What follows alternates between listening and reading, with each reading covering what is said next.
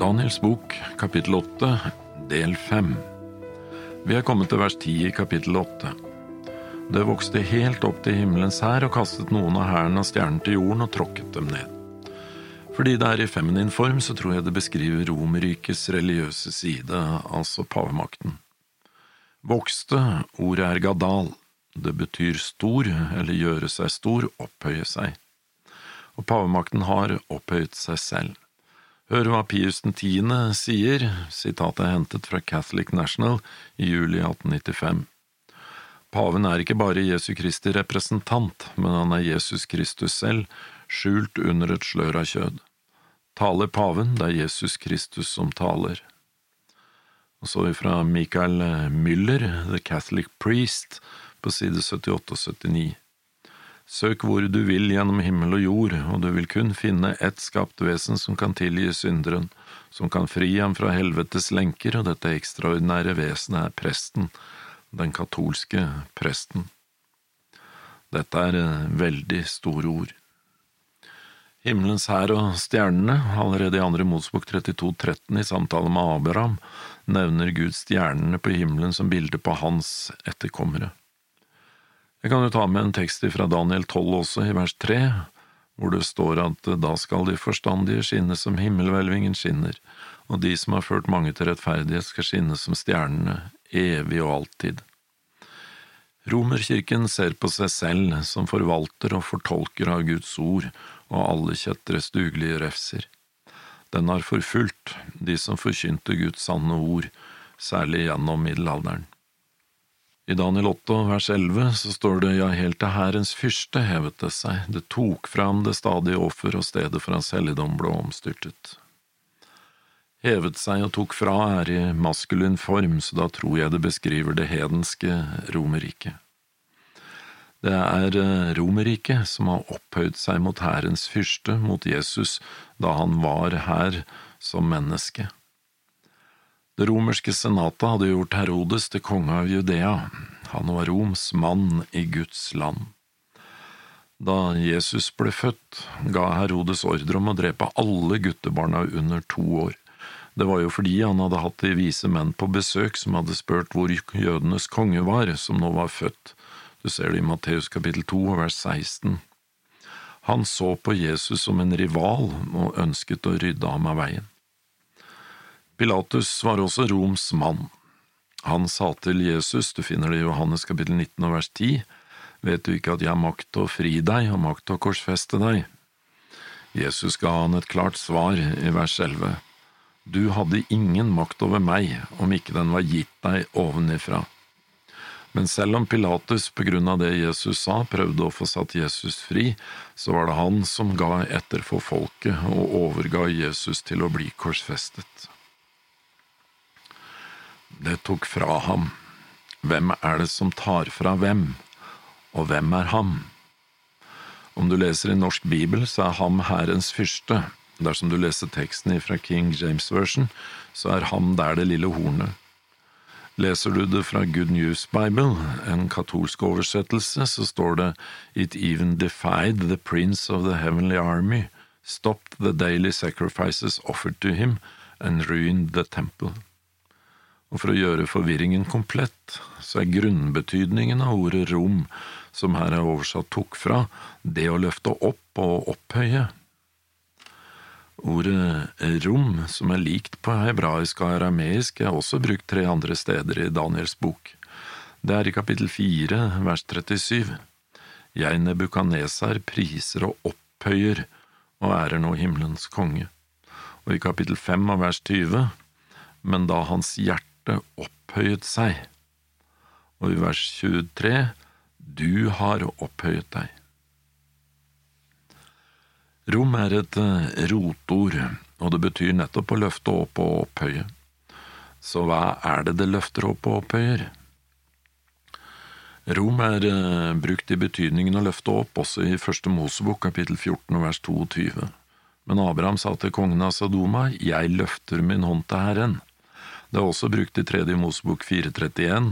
Alt fettet skal han ta ut, liksom fettet tas ut av fredsofferet.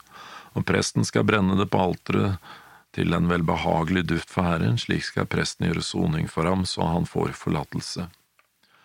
Ta ut er i betydningen av løfte opp og ut fettet. Grunnen til at man oversetter rom her i Daniel 8,11 med tok fra, er helt klart fordi man har Antiokus Epifanes i tanke, slik vi har sett tidligere. Men Antiokus løftet ikke opp eller opphøyet det daglige offeret i tempelet, han skjendet det. Men hva ligger i begrepet det stadige offer? Offer er tilføyd ord, det står ikke i grunnteksten og hører derfor heller ikke hjemme her. Vi må heller spørre oss hva ligger i begrepet det stadige? Det stadige det er oversatt fra det hebraiske ha-tamid. Ordet tamid har artikkelen ha foran seg og betyr derfor det stadige eller det kontinuerlige eller vedvarende. Egentlig handler ordet, når det er brukt i Gamle testamentet, strengt talt ikke om tjenesten i helligdommen, selv om ordet er veldig ofte brukt for å beskrive tjenesten der. For tjenesten var en stadig, vedvarende, kontinuerlig tjeneste. Men ordet er ikke utelukkende brukt om tjenesten der.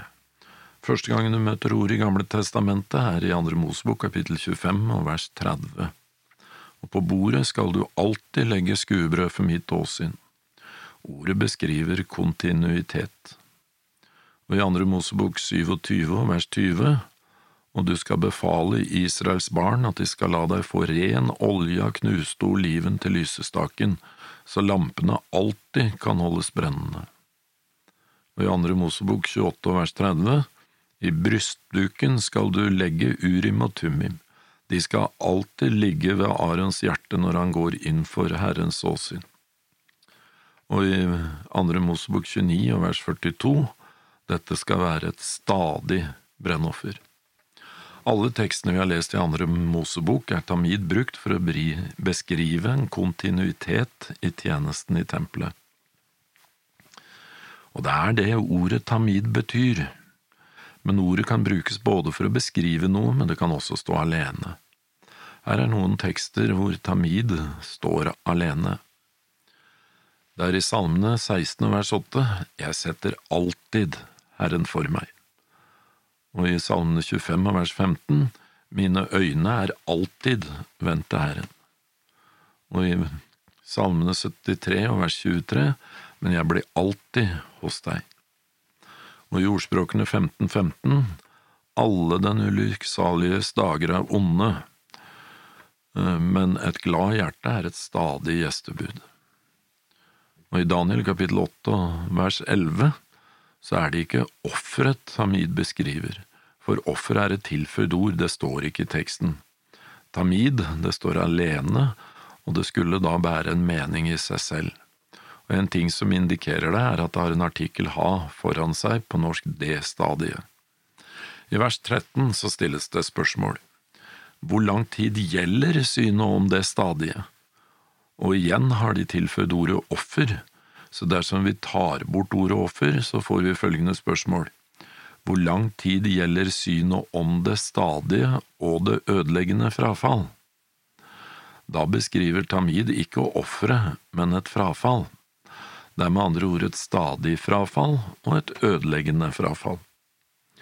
Gjennom det babylonske, medopersiske, det greske og romerriket så er det én ting som stadig har vært der, det går som en rød tråd, og det er det stadige, vedvarende frafallet fra Gud og det Gud står for. Vi kaller det ofte for hedenskapet. Jeg tror det at uh, ordet tamid derfor her i Daniel 8,11 beskriver nettopp det. Frafallet, hedenskapet. Som vi så var tok fra, eller kanskje heller løfte opp og opphøye maskulint, og skulle da beskrive det hedenske rom.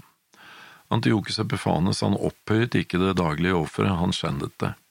Men Romerriket, ved sin keiser Konstantin, løftet opp det stadige. Hedenskapet, i et forsøk på å forene hedninger og kristne, så løftet han hedenskapet inn i kirken. Et av de sterkeste vitnesbyrdene om det er jo at han innfører søndagen, som jo var soltilbedernes ærverdige dag, som hviledag for kirken. Mange kristne tror at søndag er den nye pakts hviledag. Dersom du studerer Bibelen din, vil du oppdage at det finnes ikke et eneste sted i Bibelen som påbyr søndag som hviledag. Tvert imot. Husker du det Jesus sa i Matteus 24, når han snakket om Jerusalems ødeleggelse endetiden? Men be om at dere slipper å flykte om vinteren eller på sabbaten. Jerusalems ødeleggelse var i år 70, og Jesus sitt andre komme har jo enda ikke skjedd. Så Jesus selv opprettholder sabbaten som hviledag, han ber dem jo om å be at de ikke må flykte om vinteren eller på sabbaten. Men som vi har sett tidligere i Daniels bok, i kapittel syv, så vil det lille hornet tale ord mot den høyeste og undertrykke den høyeste selje og tenke på å forandre tider og lov. Så det finnes faktisk en advarsel i Guds ord mot at Guds lov vil bli forsøkt endret, men det finnes ikke noe påbud om at hviledagen er endret. Store norske leksikon sier at kirken, altså den romersk-katolske kirken som organisasjon, vokste gradvis fram som følge av at kristendommen ble anerkjent av den romerske keiser Konstantin. Etter hvert utviklet seg en fastere, hierarkisk organisasjon som tok noe forskjellig form i den østre og den vestre delen av Romerriket. Det er på grunn av den sammenblandingen som Konstantin sto for, at kirken jo endrer hviledagen. Se for eksempel Konstantins søndagslov av 7. mars i 321.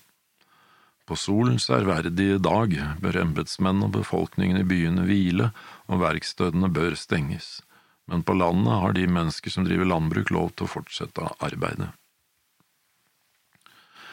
Tilbake til teksten i vers 11. Det står videre at stedet for hans helligdom ble omstyrtet. Helligdom er her oversatt fra det et hebraisk ord, mikdash. Ordet betyr innviet ting eller sted, spesielt sted, helligdom, enten det er Gud eller avguder. Og i vers 13 og 14 her i Daniel 8 er det faktisk brukt et helt annet ord for helligdom, kodesh. Det er altså ikke bare to frafall, det er to forskjellige helligdommer her også. Kodesh er utelukkende brukt om Guds helligdom, mens mikdash er brukt om ethvert innviet sted. Keiser Konstantin, han flyttet det hedenske Rom sitt innvidde sted. Skal vi kalle det for regjeringskontorene? Fra Roma til Konstantinopel. Det var i din 324 etter Kristus, men byen ble innvidd først 11. mai i 330. Det er jo derfor den fikk navnet Konstantinopel. Fra gammelt av het byen Bysants, og i dag så kaller vi den for eh, Istanbul. Keiser Konstantin han ville gjerne kalle byen for Nye-Roma, men det fikk han ikke lov av senatet til. Konstantin var keiser i det hedenske Romerriket fra 306 til 337. Da fortsetter vi med vers 12 neste gang.